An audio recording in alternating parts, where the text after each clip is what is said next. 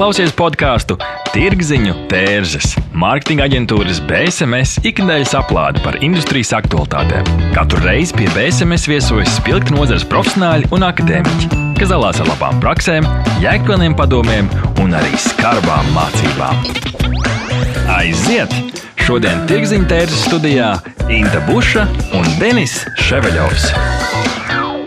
2019. gadā Ķīna bija lielākā eksporta valsts visā pasaulē un trešais lielākais importētājs. 2020. gadā Ķīna bija trešais lielākais ES partneris eksporta precēm ar 10,5% un trešais lielākais partneris importa precēm. 22,4%. No ES dalībvalstīm lielākais imports no Ķīnas bija Nīderlandē, kamēr lielākais eksports Vācijai. Kur Latvija atrodas pašreiz, kāda ir Latvijas uzņēmuma pieredze un visbeidzot, kāds potenciāls ir Latvijas uzņēmuma Ķīnā, šo noskaidrosim ar 31. epizodes viesiem. Pie mums šodien ciemos ir Kristīna Grapmane, Stenders izpildirektore un Mārtiņš Korps, nākotnes prasmju skolas direktors. Sveicins visiem! Labdien! Sveiki! Okay, nu kā, uh, mēs uh, labi ļoti zinām, ka Stenders ir viens no tiem uzņēmumiem, kurš ir pārstāvēts Lielajā Ķīnā. Un mums ir arī viens latviešu tautietis, kurš pavadījis Ķīnā ievērojumu laiku. Un uh, šeit tiešām mēs šodien gribētu runāt par to, kas ir Ķīna un ko varētu no viņas mācīties, gan arī ko mums pašiem vajadzētu ņemt vērā, ja mēs gribam ienākt Ķīnas tirgu. Pirmais jautājums mums ir abiem ekspertiem. Ko Latvijas vai Eiropas zīmoliem jāizņems no Ķīnas zīmoliem? Nu, ko es varētu teikt, to, ka laikam Ievadam jāsaka tas, ka ir jāsaprot tā atšķirība, ka Ķīna tomēr ir sociālistiska ekonomika, un tas ir ļoti svarīgi, tāpēc, ka viņiem tā, tas, tas, tas veids, kādā viņi iet uz peļņu un uz, uz veiksmi, ir nedaudz savādāks un tiek atbalstīts arī savā ziņā no valdības viedokļa, no valdības puses. Un līdz ar to viņi var sev atļauties tādu ilgtermiņa plānošanu un ilgtermiņā veidot to savu zīmolu. Un, un te es gribu pievērst uz, um, teiksim, uzmanību uz, piemēram, tādu zīmolu kā Xiaomi, ja, kas ir uh, dažādas ierīces un mobilie telefoni. Un, uh, kā viņš Latvijas tirgo ienāca, nezinu, kad 6, 7 gadus atpakaļ, laikam, kā tāds smieklīgs nosaukums, smieklīgi. Um, neviens to neuztver nopietni. Un, Visu šo gadu laikā viņi ir attīstījušies, viņi ir turpinājuši darboties un to savu zīmolu nu, jau stabilizējuši pietiekami labi. Jā, tā nav luksus prece, bet uh, tomēr mēs tam uzticamies daudz vairāk. Un, Un tieši tas, tieši tas, ka viņi atļaujās uh, tam veltīt ilgāku laiku, nevis tūlīt un tagad, bet tā ilgtermiņa stratēģija, tā, ir, tā, tā, tā ir tā lieta, ko mēs varētu mācīties. Mums to ir grūtāk izdarīt, bet manuprāt, tas ir tas, ko mēs varētu no viņiem aizgūt. Bet tas ir saistīts ar to, ka Cīnas valdība atbalsta šos uzņēmumus? Noteikti, jā. Kristīna, kādi ir novērojumi? Laikam jāsāk ar to, ka Ķīna ir milzīga valsts ar ļoti, ļoti lielu iedzīvotāju skaitu. Nu, pat jau ir 1,4 miljardi. Un, pavisam noteikti tā sajūta ir tāda, ka katrs spēcīgs zīmols atradīs tur savu auditoriju tik lielā valstī un tautā. Un, tas, ko, kas manuprāt ir svarīgi zīmoliem, pirmkārt jau ļoti, ļoti koncentrēties sākotnēji uz sevi, uzbūvēt pašam sevi kā lielu, stabilu, pamatīgu zīmolu ar savām vērtībām, ar, ar, ar savām tēmām un vizuālo, vizuālo izskatu. Un tas, ko mēs pavisam noteikti varētu paņemt no Ķīnas tirgus, ir tas, cik viņi fantastiski, drosmīgi un ātri spēja likt, lekt iekšā jaunajās tendencēs un izmantot jaunās tendences, tad, kad ir spēcīga zīmola pamats, tad eksperimentēt un, un drosmīgi darboties ar jaunajām lietām. Uh, Un, uh, viens no tādiem piemēriem ir, uh, kā zīmoli Ķīnā sāk izmantot TikTok, uh, kad mums šeit vēl likās, uh, nu, TikTok nav īsti vide uh, priekš uh, zīmoliem.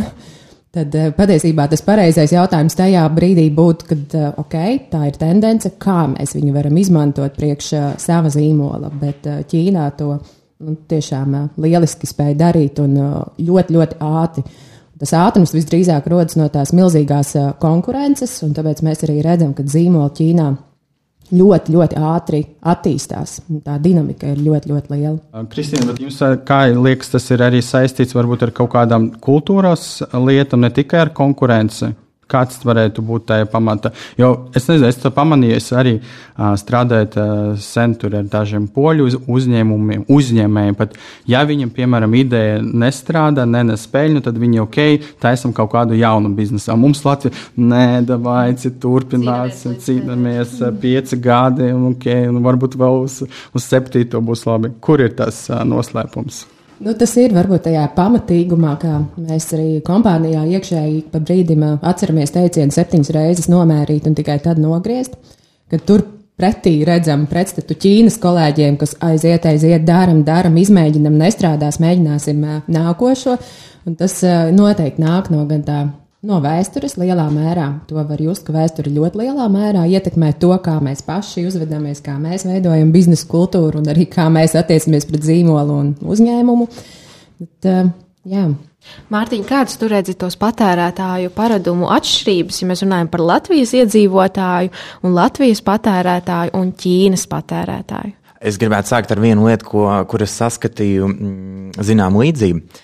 Uh, un, un tas ir saistīts teiksim, ar to, ka arī mēs uh, Latvijā nākam no, no, no zināmas, uh, no, no padomu savienības, ja mums arī nav bijusi tā iespēja.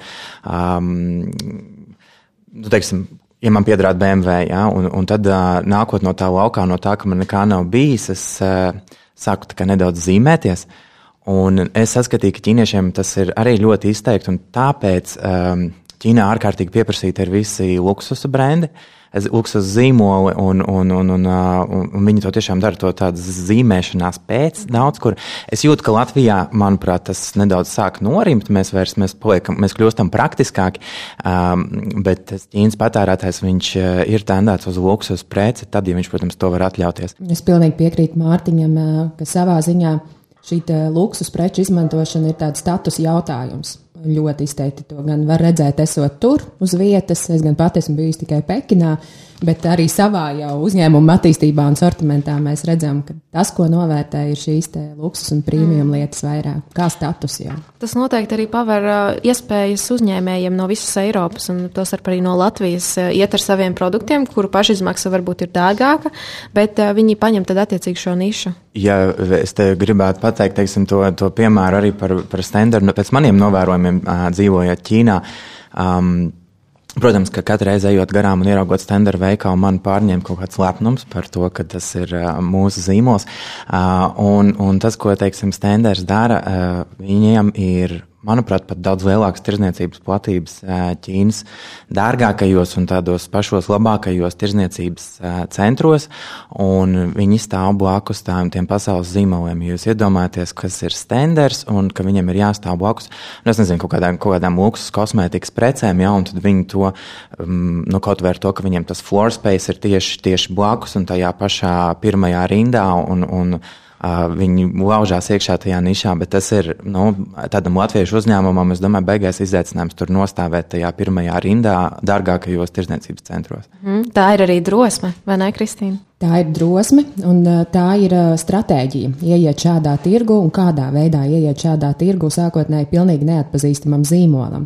Kaut gan tad, kad Stenders iegāja, tad uh, tirgus izpētē bija skaidrs, ka tā niša ir salīdzinoši brīva un tur pavisam noteikti ir potenciāls, bet kā kļūt pamanāmam? Un tas, ko Mārtiņš minēja, bija, bija tieši šie strateģiskie lēmumi, investēt un nostāties blakus lielajiem zīmoliem un tādējādi jau paziņot, ka tu esi līdzvērtīgs. Jo uh, būvēt un veidot atpazīstamību Ķīnā caur varbūt mūsu izpratnē tādiem tradicionāliem mēdīju kanālām vai netik tradicionāliem ir ļoti, ļoti dārgi un nu, ļoti liels investīcijas gan laika ziņā, gan arī izmaksu ziņā. Un šī bija tāda mūsu izvēle, kā pieteikt sevi Ķīnas tirgu. Un pavisam noteikti tas arī ir tāds veiksmes stāsts, kāpēc mēs esam tur. Jums ir lieliska pieredze, Kristīna, tieši ar Ķīnas tirgu. Varbūt ir kaut kādas interesantas, liederīgas atziņas par viņu Ķīnu biznesu mēs vienmēr dzirdējam par to, ka tur ir pavisam cita, cita etikete un vajadzētu sagatavoties. Tur kaut kādas veids, kāds tiek vēstas un kārtotas pārunas, ar dāvanam kaut kādas lietas, kas ir no tā visa patiesība, kas ir tur aktuāli. Nu, es domāju, ka arī Ķīnas biznesa kultūra ļoti, ļoti mainās. Un, uh, pielāgojās jau tādai globālai biznesa kultūrai, bet um, pirmā lieta noteikti, kas ir, kas ir svarīgi gan uzsākot strādāt ar, ar Ķīnas partneriem vai ar jebkuru citu, varbūt no atšķirīgākas kultūras vai valsts partneri, ir pirmkārt akceptēt to, ka ir šīs atšķirības un veidot šīs te, attiecības tā ļoti toleranti un uz vērtībām balstoties, ieklausoties, akceptējot šīs atšķirīgās lietas un, un būvēt tās attiecības tā pamatīgi un tik tiešām uz apusējām vērtībām. Bet tu arī teici, jā, ka jums bija tirgus izpēta, tirgus pētījums. Ko tu ieteiktu sākt, pieņemsim, arī citiem uzņēmumiem, kas noteikti ir svarīgi? Nu, pavisam noteikti tirgus izpēta ir viens no svarīgākajiem aspektiem saprast tirgu. Mūsu gadījumā arī, nu, es domāju, ne tikai mūsu, bet arī saprast konkurenci un konkurentus. Jo, ja nav iespējas vai uzņēmums nav gatavs ieguldīt lielus līdzekļus tieši tirgus izpētē, tad jau saprotot, kā rīkojas konkurenti, kādi ir konkurenti, kur viņi ir, kādas aktivitātes viņi veic, ļoti labi var saprast, kā pozicionēt savu zīmolu un kas būtu tās veiksmīgākās.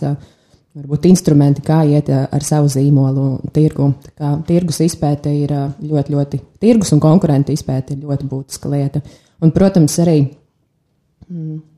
Ejot ārpus Eiropas Savienības kopumā, ir svarīgi saprast gan politisko situāciju valstī, kas arī Ķīnas gadījumā spēja spēlēt ļoti lielu lomu, tieši tāpat kā tas būtu ar ASV, Krieviju vai ar jebkuru citu lielu valsti.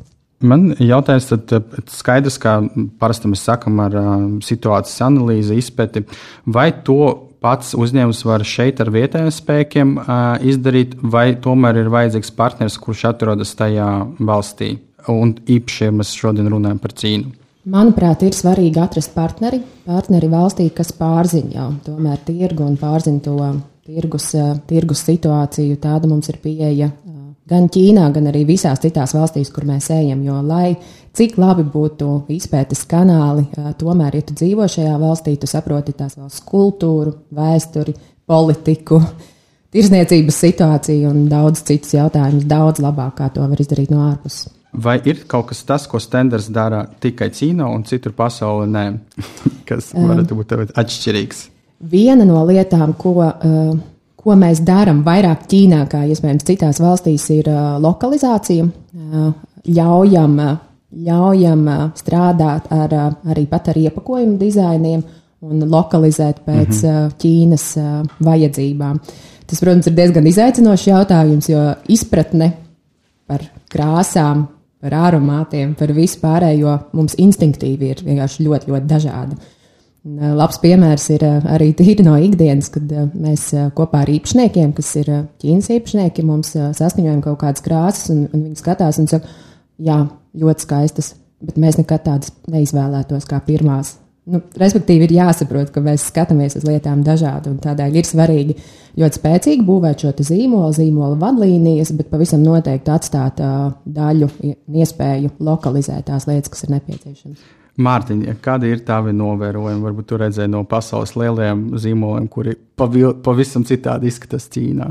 E, nu, noteikti grūti tagad atcerēties tieši kaut kādus specifiskus piemērus, bet um, skaidrs, ka lokalizācija Ķīnā ir, ir ārkārtīgi nepieciešama.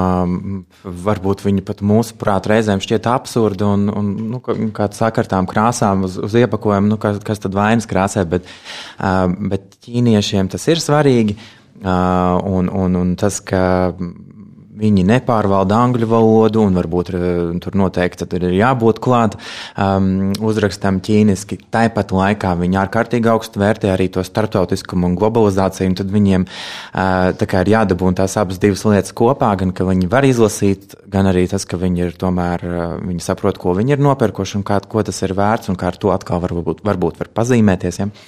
Un, um, nu, kaut kādas tādas lietas. Nu, jā, vairāk es tagad kaut ko specifisku vajag nevarēšu laikam izdomāt. Okay, un kādas ir patērētāja tendences, ko varētu atnākt no Āzijas uz Eiropu? Viņi gaida vairāk Eiropas pie, še, pie sevis tur, varbūt ir kaut kādas lietas, kas pie mums atnāks.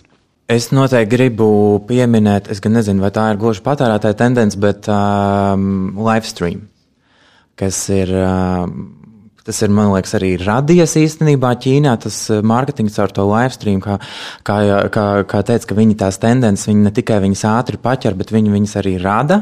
Un, un tas live stream ir, nu, tā ir, tā ir milzīga industrija Ķīnā. Es, es, man, es viņu neredzu vēl ikdienā tik ļoti spēcīgi kaut kur te rietumos, bet tas, ka Ķīnā tas ir vēl krūtāk nekā Instagram influenceri, un, un, viņi apgros daudz lielākas naudas, viņi tur ir pat tur stāsti leģendāri par, par Čāli um, Austinu Līmu, liekas, viņu sauc, kurš uh, 5 minūšu laikā pārdeva 15,000 lupu krāsas uh, live streamā. Ja, ka, un, un no vienas puses liekas, nu, nebūs jau interesanti skatīties tur, kā kaut kāda tagad rāda, kā tur ar putekļu sūcēju jādarbojās, ja, bet to cilvēku skatās un skatās miljoni un, un, un, un tiešām tās pār, pārdošanas apjomi iet uz augšu. Tā kā es domāju, ka tā ir noteikti tendence, kas arī līdz mums atnāks.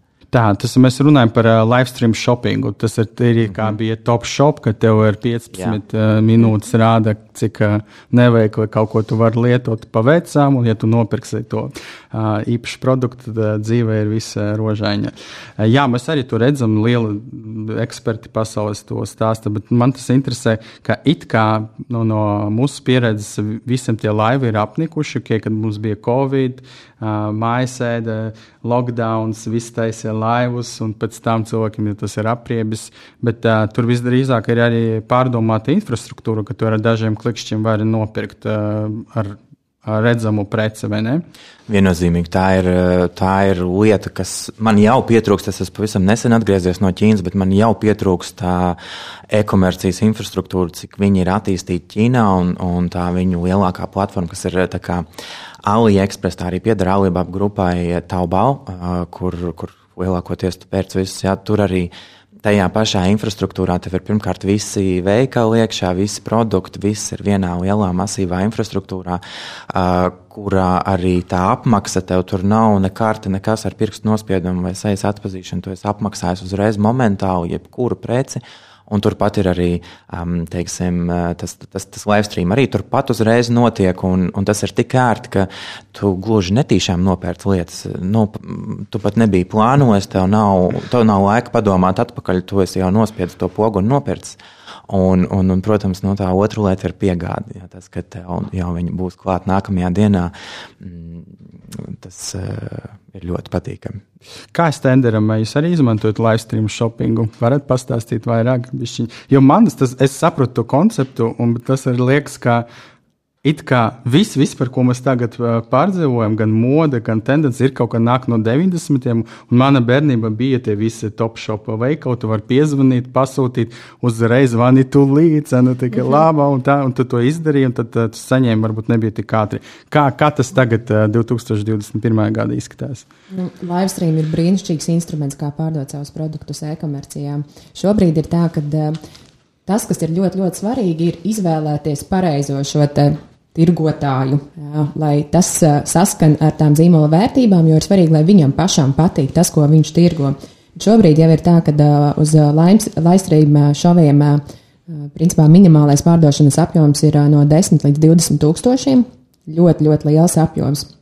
Un es pati piedalījos vienā šovā, un tad, kad es paskatījos, cik tur ir skatītāji, kas principā bija 2 miljoni, likās, lai saprastu to mērogu, principā visi Latvijas iedzīvotāji ir, ir, ir šajā live stream šovā un ir gatavi iegādāties šos produktus. Tas ir, tas ir brīnišķīgs instruments, bet, protams, ka tas lielākais izaicinājums ir atkal par to, ka šie te mm, ietekmīgākie live stream šoma veidotāji nav daudz, un tad ir šī zīmolu cīņa vai produktu cīņa lai tiktu uh, pie tā lielākā un, un ietekmīgākā. Un kā jūs pārliecināt, ka jū, jūsu zīmols tieši ir jākomunicē? Ar labu komisiju.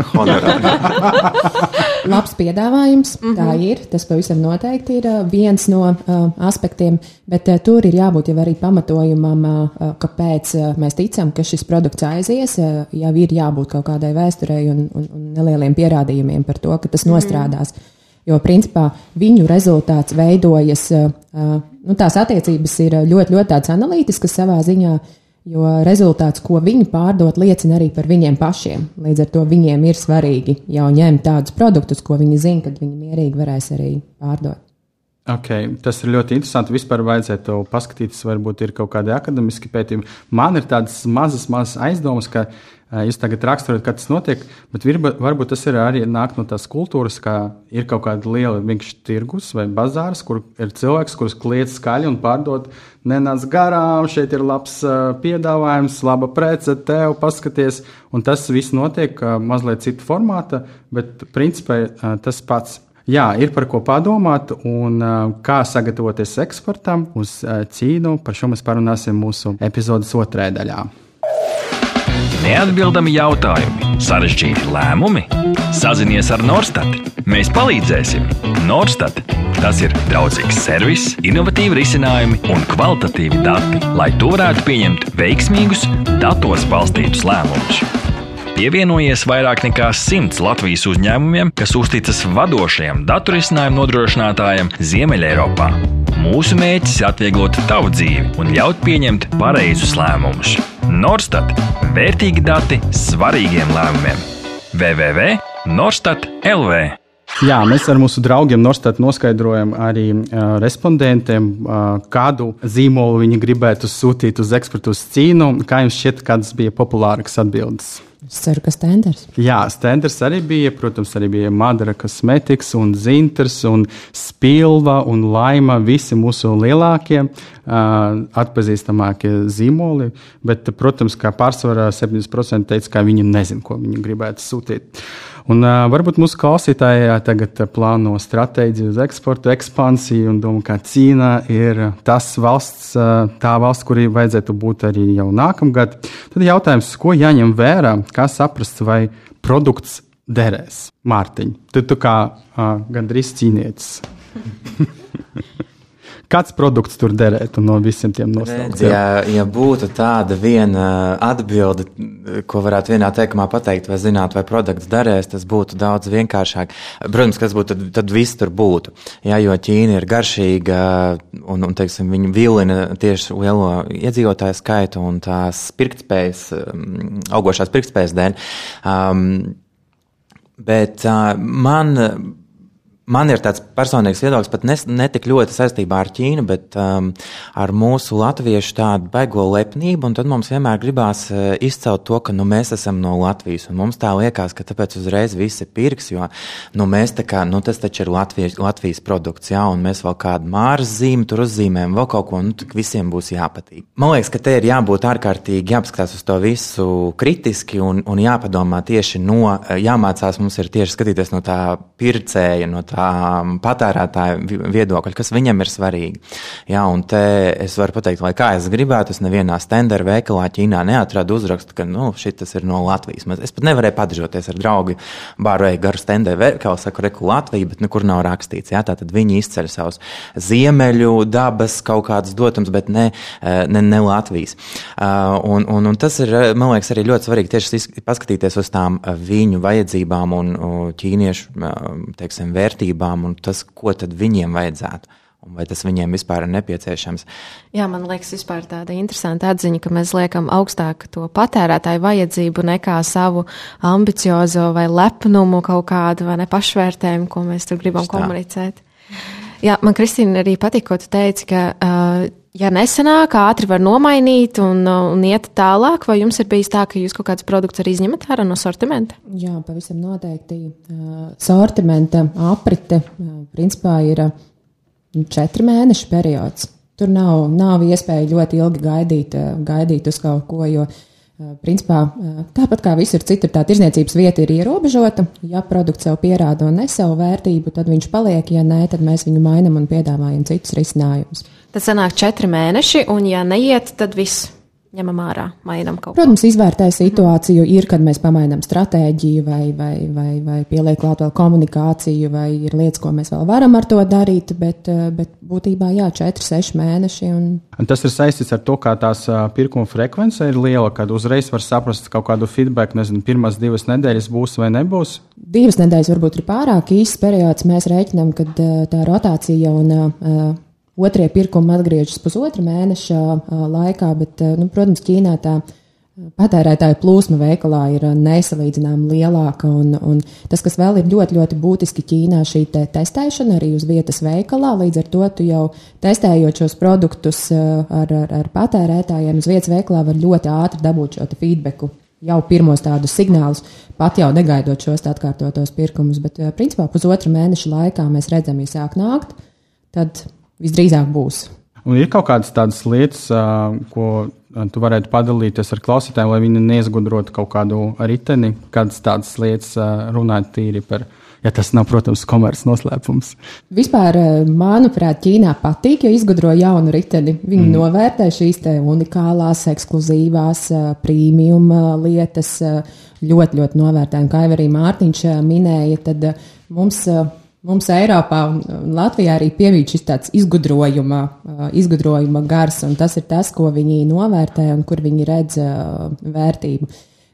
Iespējams, protams, kad ir jāpazīst tas patērētājs un, un jāsaprot, kā viņam šo lietu piedāvāt, un, un tur jau atkal aiziet vairāk tā stratēģija, kā ar šo savu unikālo, fantastisko produktu aizsniegties līdz uh, patērētājiem? Es uh, var, varētu teikt, teiksim, no savas puses, ko es zinu par to, kā, um, kā tajā Ķīnas tirgu mūsu latviešu uzņēmumu mums tur ir tāds bariņš, kas, kas cenšas iekļūt. Un, protams, tas ir ļoti grūti, manuprāt. Es saprotu, ka Stenderam arī ir vietējais partneris, tur, kas, kas palīdzēs tur izplatīties. Man liekas, tas ir To es noteikti varētu ieteikt meklēt, jo būs grūti pašam saprast tos kanālus. Viņi pavisam citādāk. Tur nav Facebook, tur nav Instagram, tur nav Google, tur nav iespējams reklamēties caur un, teiksim, kaut kā promotēt sevi tādā veidā, kādā mēs tā, pie tā esam pieraduši. Un daudz, daudz citas lielas nianses, arī tā skaitā kaut kādas juridiskās, kas, ko tev var palīdzēt uh, vietējais partners. Un, un tad, um, noteiksim, gribu noteikti arī pieminēt to, ka Lijā palīdz Ķīnā ļoti aktīvi. Protams, nu, cik nu viņi var. Tikai uz vienu lijā paļauties arī būs ļoti grūti, bet viņi tiešām ir aktīvi un palīdz, un, un, un tas ir vismaz kaut, kāds, kaut kāda palīdzība. Un, bet kas vēl ļoti svarīgi, Ķīnā ir ļoti daudz dažādu um, valsts atbalstītu un pašvaldību atbalstītu hubu, kurā uzņēmēji var noteikti arī piedalīties un startēt, un dažādi projekti, kas, kuros var arī uh, palīdzēt um, kaut kā attīstīties. Kāda vispār, Mārtiņa, komunikācijas kanāli ir trendā Ķīnā? Uh, es zinu, ka arī daudzi Latvijas uzņēmumi brauc uz Ķīnas izstādēm, ir tās kantonas izstādes, kas ir vispopulārākās. Mm. Vai tas ir tas kanāls, kas strādā, vai tomēr nē, un kādi varbūt ir citi? Strādā, noteikti strādā, ir, nu, kas, kas, kas attiecās teiksim, uz kaut kādu partneru meklēšanu, tad, protams, būt uz vietas un tikties personīgi. Tas ir svarīgi. Tas arī priekš ķīniešiem vienmēr ir bijis svarīgi tas personīgais kontakts un, un, un skaidrs, tā, tā ir arī tur liela vērtība. Bet, protams, ir arī dažādas platformas, nu, kā jau tur ir cold email un cold zvans, ja, kas ir kaut kāda, piemēram, Alibabas lielā platforma, kur var partnerus meklēt. Uh, um, kaut kāda cita biznesa network. Protams, ka tur arī ir, bet, nu, protams, personīgais kontakts ir, ir, ir numur viens. Un, un tur tev arī tas vietējais partneris var palīdzēt. Vai ir kaut kādas tirgus īpatnības, un kādas mēs par to runājam, bet varbūt tā var apkopot, tā, ka točna vat, cilvēks tagad domā, ka es gribu pamēģināt cīnu, tad kāds būtu tādi filtriņi, diezgan grūti ir tā apkopot eh, pāris, eh, pāris lietās, bet um, no pieredzes ir pavisam skaidri, ir pāris lietas izkristalizējušās. Uh, viena no tām noteikti ir šī lokalizācija. Nu, tas, kad ir, ir jāsaprot, ir jāakceptē un ir jāļauj lokalizēt produktus, un produktus varbūt ne tik daudz, kā vairāk dizainus un to veidu, kā komunicēt un kā viņus pārdot. Vēl viena ļoti interesanta lieta, kas varbūt ir vairāk kosmētikai un un pārtikai ir aromāts.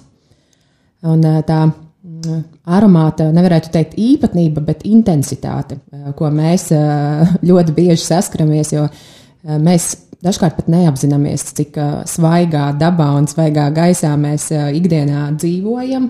Līdz ar to mums šī aromāta intensitāte vai nepieciešamība ir daudz zemāka, kāds ir Ķīnas iedzīvotājiem. Tā ir tā lieta, ko mēs produktu attīstībā vienmēr diskutējam, jo viņi vienmēr saka, ka vajag vairāk, vajag vairāk, Interesanti, jā. vairāk to, to, to aromātu. Tad uh, vēl viena lieta jau šeit izskanēja, protams, krāsas. Uh, šī te, es pat teiktu, ne tik daudz atsevišķas krāsas, kā krāsu kombinācija, kas arī ir ļoti unikāla un raksturīga Ķīnai, kā jau paši zinām, salikt kopā dzeltenu ar sarkanu un zeltu. Ļoti daudz. Un vēl viena arī lieta, kas arī jau vairākas reizes šeit pieminēta, ir šīs luksus preces un nebaidīties iet ar šo vērtību no Eiropas un arī prezentēt savus produktus kā vērtīgus produktus. Un kāds ir iegūms no Ķīnas eksporta? Mēs zinām, īpaši, ja mēs runājam par kosmetiku, tur ir savi savas lietas, ar ko mums vajadzētu nu, pieņemt. Piemēram, ja mēs tirgojamies cīn, cīnā, tad mēs nevaram pateikt, ka mēs esam cruelty free. Tādas lietas, vai ir vēl kaut kādas zemūdens akmeni kaut kādi? Es domāju, ka tu vari vienkārši par to mēģināt nerunāt. Tas nenozīmē, ka tu neesi par vai pret, bet nu, jā, te ir tas tikko H&M laikam un, un, un vēl kaut kāda tirgotāja tam līdzi ļoti lielās nepatikšanās iebrauca ar, ar, ar, ar šo. Nu, kā no vienas puses nepatikšanās, no otras puses no tā ir, tur, tur bija signāls to, no tā, ka Ķīnā ir ļoti svarīgi tie sakari ar, teiksim, arī ar to pašu partiju un, un tie, ar augstāk stāvošiem. Un iedomājieties, es tāpat šo situāciju panelizēju. Nu, tu esi, tev pieder tirzniecības centrs, tev jau būtu ļoti svarīgi uzturēt lielu, nu, teiksim, H&M, kas aizņem tur vismaz divus stāvus, jā, un tāds diezgan liels platības, bet tu tomēr novērtē tos savus sakarus un attiecības ar, ar, ar noteiktiem kaut kādiem cilvēkiem vairāk nekā to lielo nomnieku dzīvnieku. Un, un, jā, bet tu, tas, ir, tas, tā, tas nav nekāds, es domāju, izaicinājums priekš, priekš mums. Jā, mm -hmm. Nerunā lieku, bet nekur jau nevajag neko lieku runāt. Drīzāk tiešām rūpēties pašiem par saviem, tiem, par, par saviem, lai tavi klienti būtu apmierināti pircēji. Papildinot vēl, ko jau minēji par uh, cruelty free vai par testēšanu uz dzīvniekiem, tas šobrīd būtiski mainās Ķīnā. Principā viņi iet uz to, ka arī lielai daļai no kosmētikas šī te testēšana nebūs uh, vajadzīga, un tas parāda tikai to, ka viņi skatās, kas notiek uh, globāli pasaulē, un arī izdara ļoti, ļoti būtiskus uh, soļus uh, šajā virzienā, ko novērtē.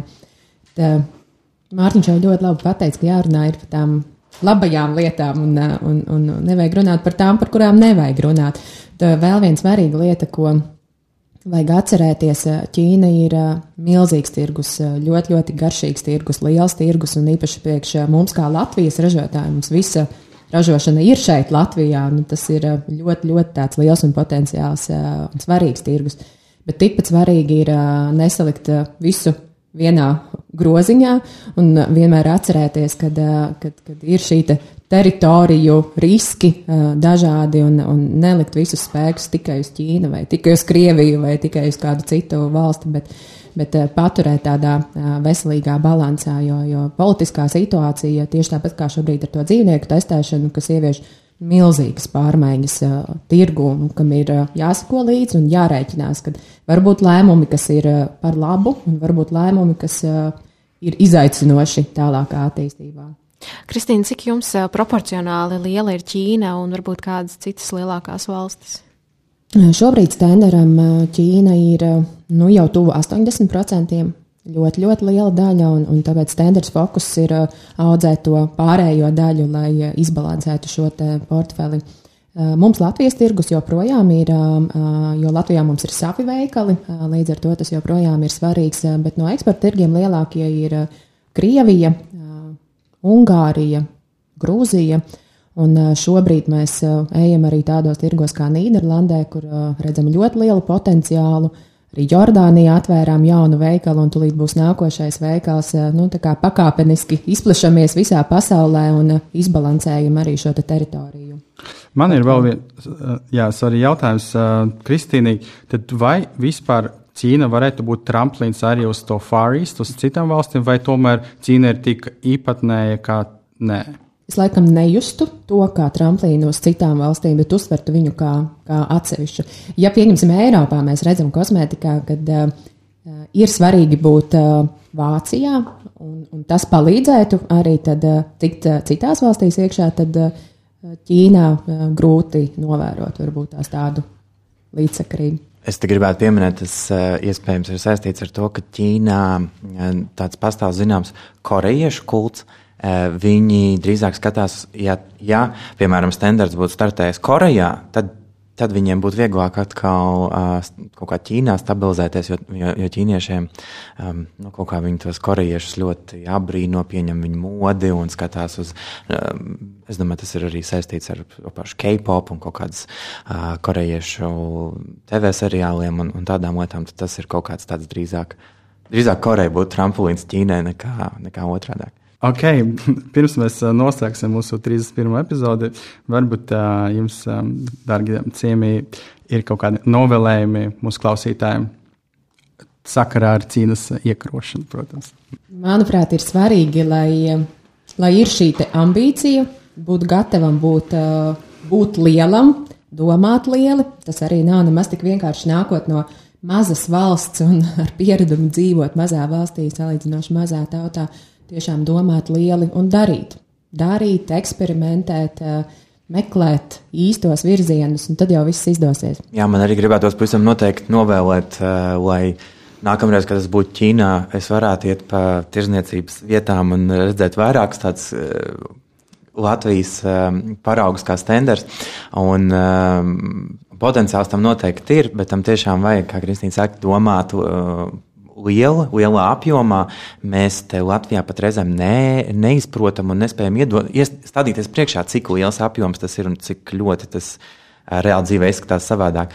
Un noteikti arī tādu pacietību un tādu uzcītību strādājot pie tā Ķīnas tirgus, jo, nu, protams, ka viņu apgūt ir ļoti grūti un tam tāpēc ir vajadzīga pacietība, tur ir vajadzīgs tāds uh, smags darbs pie tā, bet es domāju, ka tik līdz to izdara, tad uh, nāk arī labi augļi pacietību, neatlaidību, uzdrīkstēšanos un arī vēlme eksperimentēt. Šo mēs, šo mēs noslēgsim mūsu tirgziņu tērzes 31. epizodē. Paldies mūsu klausītājiem, ka bijāt kopā ar mums 31. epizodē. Ar mums šodien kopā bija Kristīna Grapmana, Stenders izpildirektora un Mārtiņš Korps, nākotnes prasmju skolas direktors. Paldies! Paldies, ka klausījāties BSMS podkāstu Tirziņu tērzes. Aplādi ar labām praktiskām, jēgpilniem padomiem un skarbām mācībām. Patika epizode? Dalies sociālajos medijos, ir idejas tēmām vai viesiem? Raksti mums! Tās bija Tirziņu tērzes. Tiekamies nākamnedēļ!